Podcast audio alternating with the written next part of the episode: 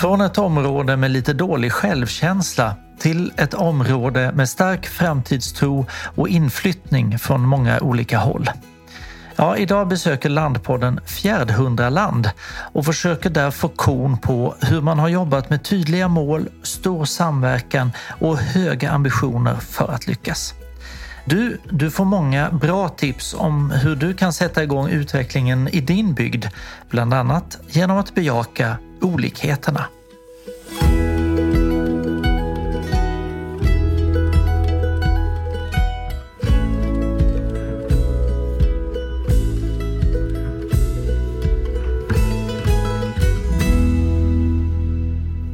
Var befinner vi oss och vem befinner vi oss hos? Malin Vedrén heter jag och vi är nu på vår gård Svartbäcken.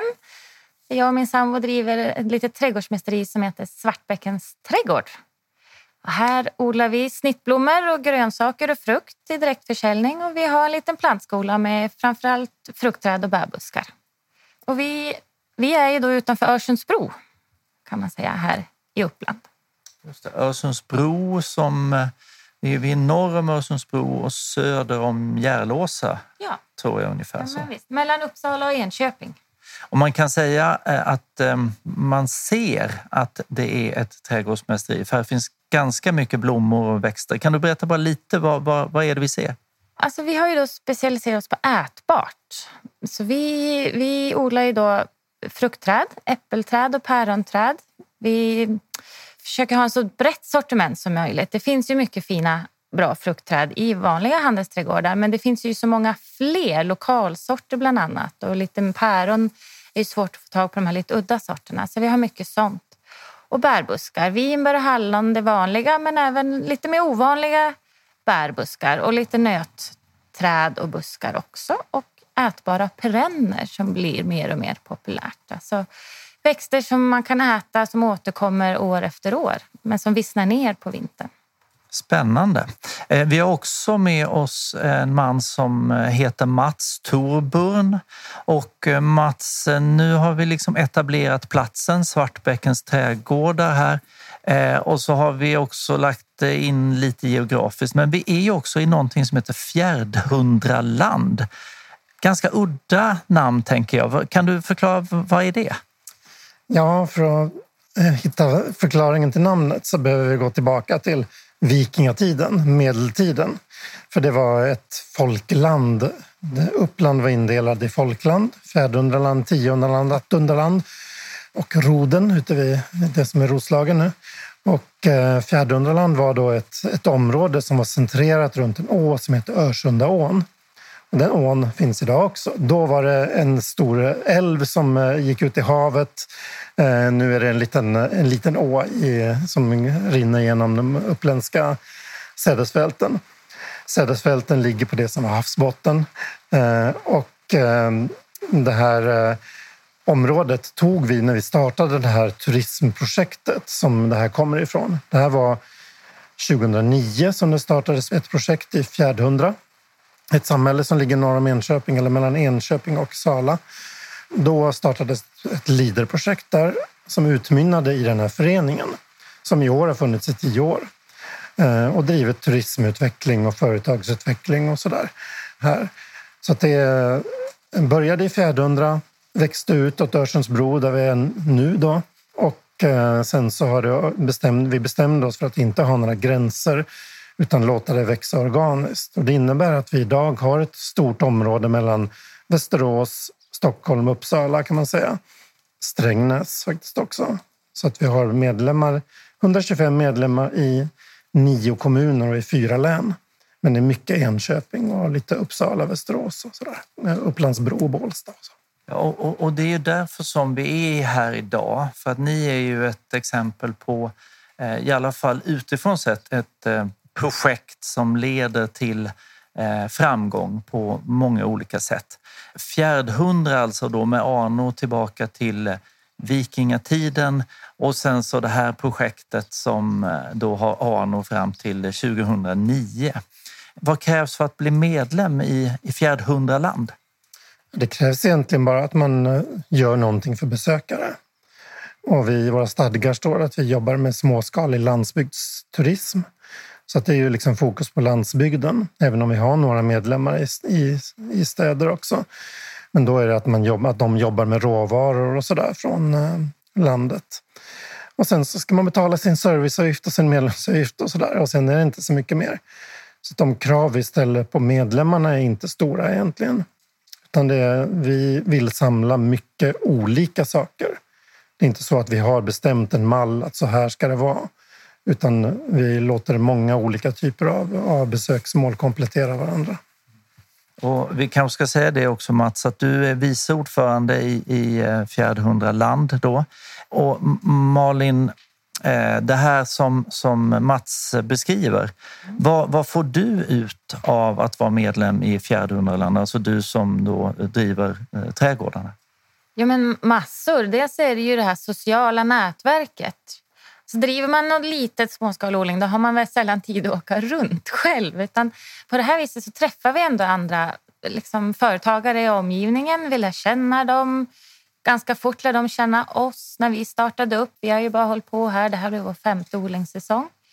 Så man liksom kommer fort in i bygden på ett annat sätt. Och eh, också att vi har de här gemensamma, eh, vad ska man kalla dem, eventsen där, man, där vi liksom gemensamt går ihop och öppnar upp våra olika verksamheter och marknadsför oss tillsammans utåt. Det kan till exempel vara vi har en rebusrunda där liksom gästerna åker runt till olika verksamheter och löser en rebus. Eller vi har trädgårdsrunder eller matevenemang. Så, det, är, så det är både då liksom det sociala men också det företagandet som, ska man säga, som gynnas av det här.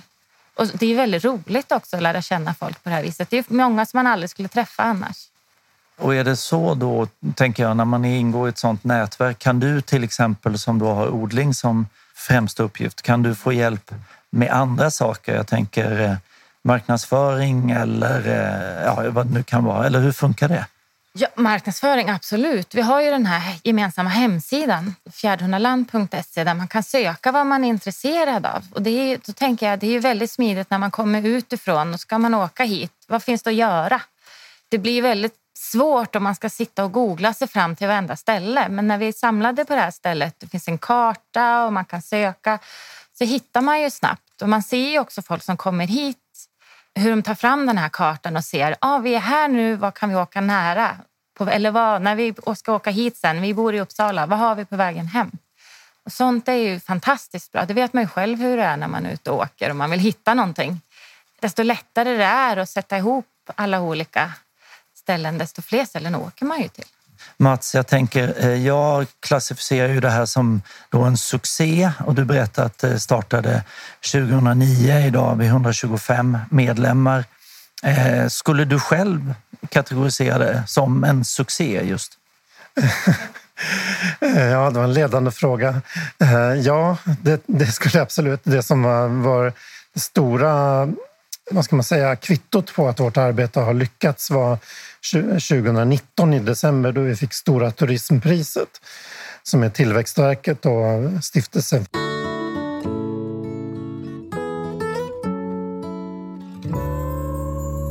–125 medlemmar i det här nätverket. Vilka är det mer som, som är liksom engagerade? Du nämnde att det var ett LIDER-projekt från början, då 2009. Eh, involverade kommuner och eh, landsting och sådana saker också? Vi har från början bestämt oss för att det är våra egna drivkrafter som styr. Så det är grundförutsättningen att det finns eh, visioner i, i den här föreningen, vart vi vill någonstans. Och, ehm, och det handlar ju mycket om både om lokal utveckling och så att vi som bor här ska ha det bättre tack vare att vi får möjlighet att jobba på landet. Men också att besökarna ska få det bra. Så det är ju liksom grunden för det. Men sen för att kunna nå de målen, då behöver man ju till exempel finansiering. Vi kan inte leva bara på, på vision och kärlek, liksom, utan det, det behöver vara pengar också. Så där kommer det in de här andra aktörerna som du pratar om. Att vi får lite pengar av Enköpings kommun, inte så mycket men lite grann. Eh, vi söker projekt som Leaderprojekt som, som vi startade med. Då. Där har vi under tidigt i vår utveckling så drev vi ytterligare ett par Leaderprojekt. Sen har vi fått mycket hjälp av Region Uppsala Både med att liksom lyftas fram eh, nationellt och så. Det som resulterade i, Stora turistpriset. Det var Region Uppsala som nominerade oss. Och vi har också fått, liksom, man kan söka pengar genom dem och så där. Så att nu driver vi ett projekt till exempel som eh, finansieras eh, av Region Uppsala. Så att vi, vi har liksom vår egen drivkraft och vilja med föreningen är det som, som styr och det är vi som bestämmer. Vi har inga offentliga delägare eller så. Men vi söker projekt när vi vill göra någonting och det är liksom en viktig, tycker jag, en viktig framgångsfaktor att man ska inte söka projekt för att det finns pengar utan man ska söka projekt för att man vill göra någonting.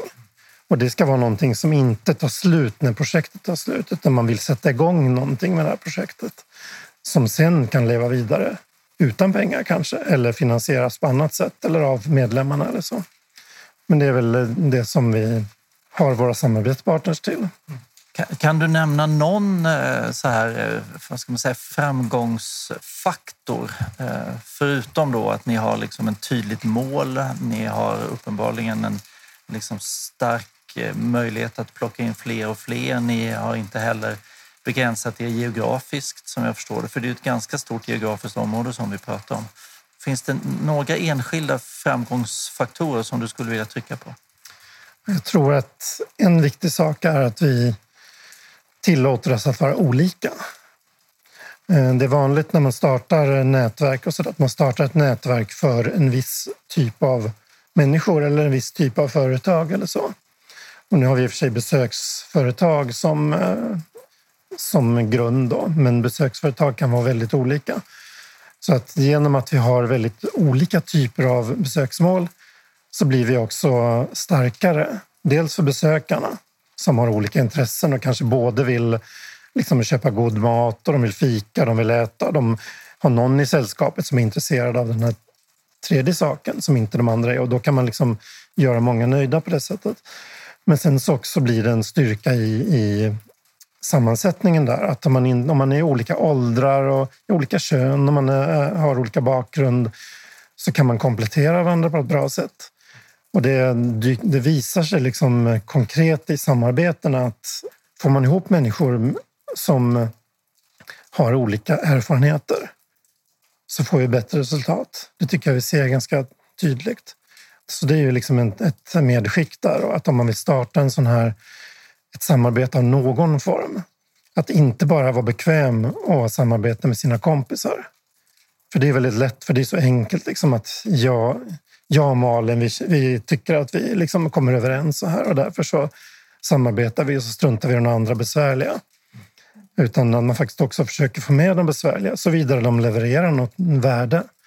Det kan ju vara så att de gör en bra sak men kanske inte alltid på samma våglängd som just jag är. Men det spelar ju liksom ingen roll.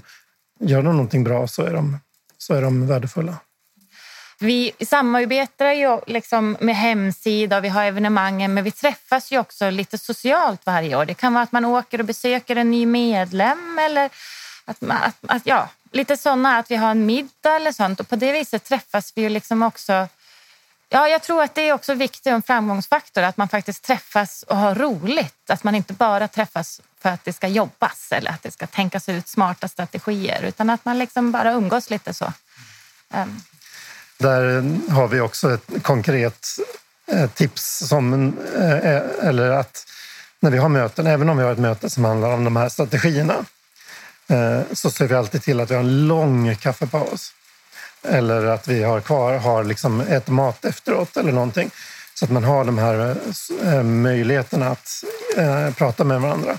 Och det är ofta där som de konkreta samarbetena uppstår också. Att om man sitter runt samma bord och sen så ja, småpratar man lite grann och sen kommer man in på ja, hur funkar det här för dig eller vad är det du gör för någonting egentligen? Och sen visar det sig att man har någon, någonting som man kan eh, samarbeta runt.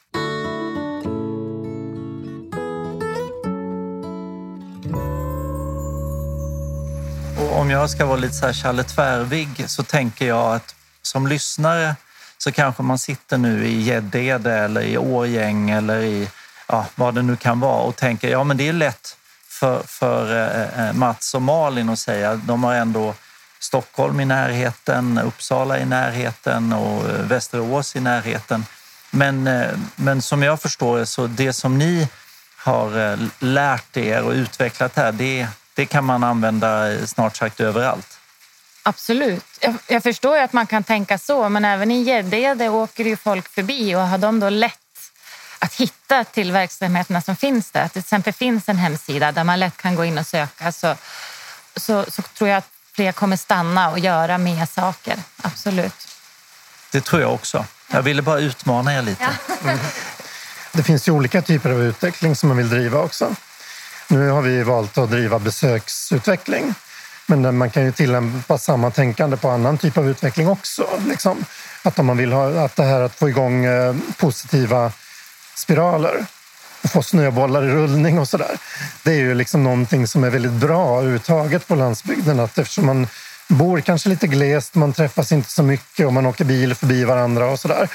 Så att oavsett vad det är för ämne som man jobbar runt så att det här att faktiskt ha liksom eh, jobba strategiskt mot mål och sen också då inkludera många i det här arbetet. Eh, det är ju någonting som ger väldigt mycket oavsett om det handlar om besöksnäring eller om det handlar om någonting annat som man vill förändra. Eh, och jag tänker om man ska försöka sig på att liksom göra någon form av sammanfattning så, så eh, det som ni säger är att ha ett tydligt mål, eh, att bejaka liksom de olika varianterna och häng inte bara med kompisarna. Lägg in kaffepauser eller vad vi nu ska kalla det, det sociala kittet i verksamheten och sen ha, som jag tolkar dig Malin, ha en tydlig eh, digital eller fysisk hemvist där man kan liksom på något sätt jobba med det här gemensamt. Dels är frågan, har jag förstått det rätt? Och vill, vill du Malin lägga till någonting mer som du tror är viktigt? Ja, det är väl om man vill som här jobba med med besökare, det ska ju vara lätt för besökare. Man får väl utgå lite från sig själv när man själv åker runt till exempel. Att vad är det man vill ha? Vad är det man vill? Desto lättare det är för en själv, desto, desto mer får man ju med sig på platsen.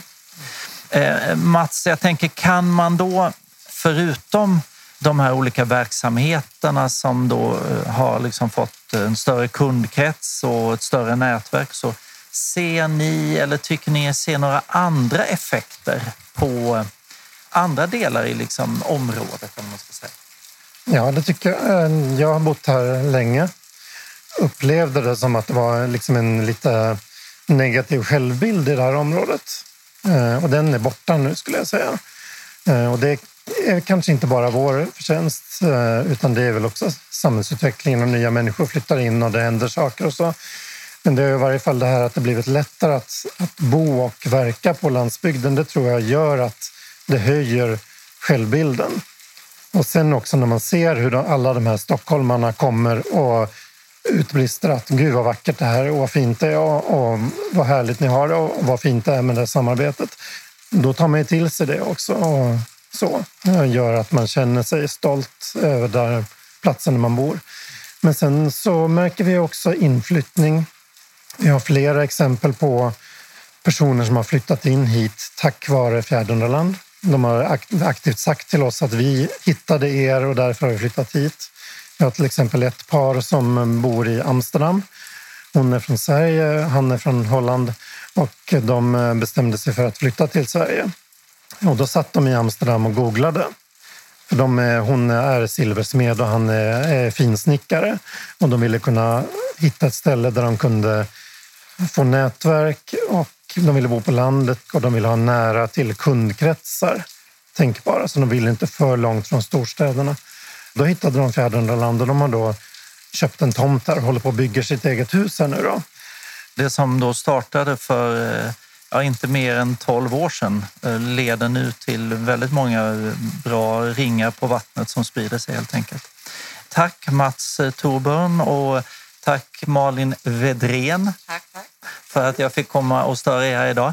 Vill man veta mer om det som eh, Fjärdhundraland erbjuder så kan man då rekommendera den eh, hemsida som ni har som ju är fantastiskt uppdaterad och eh, bjuder på väldigt många tips och sådär.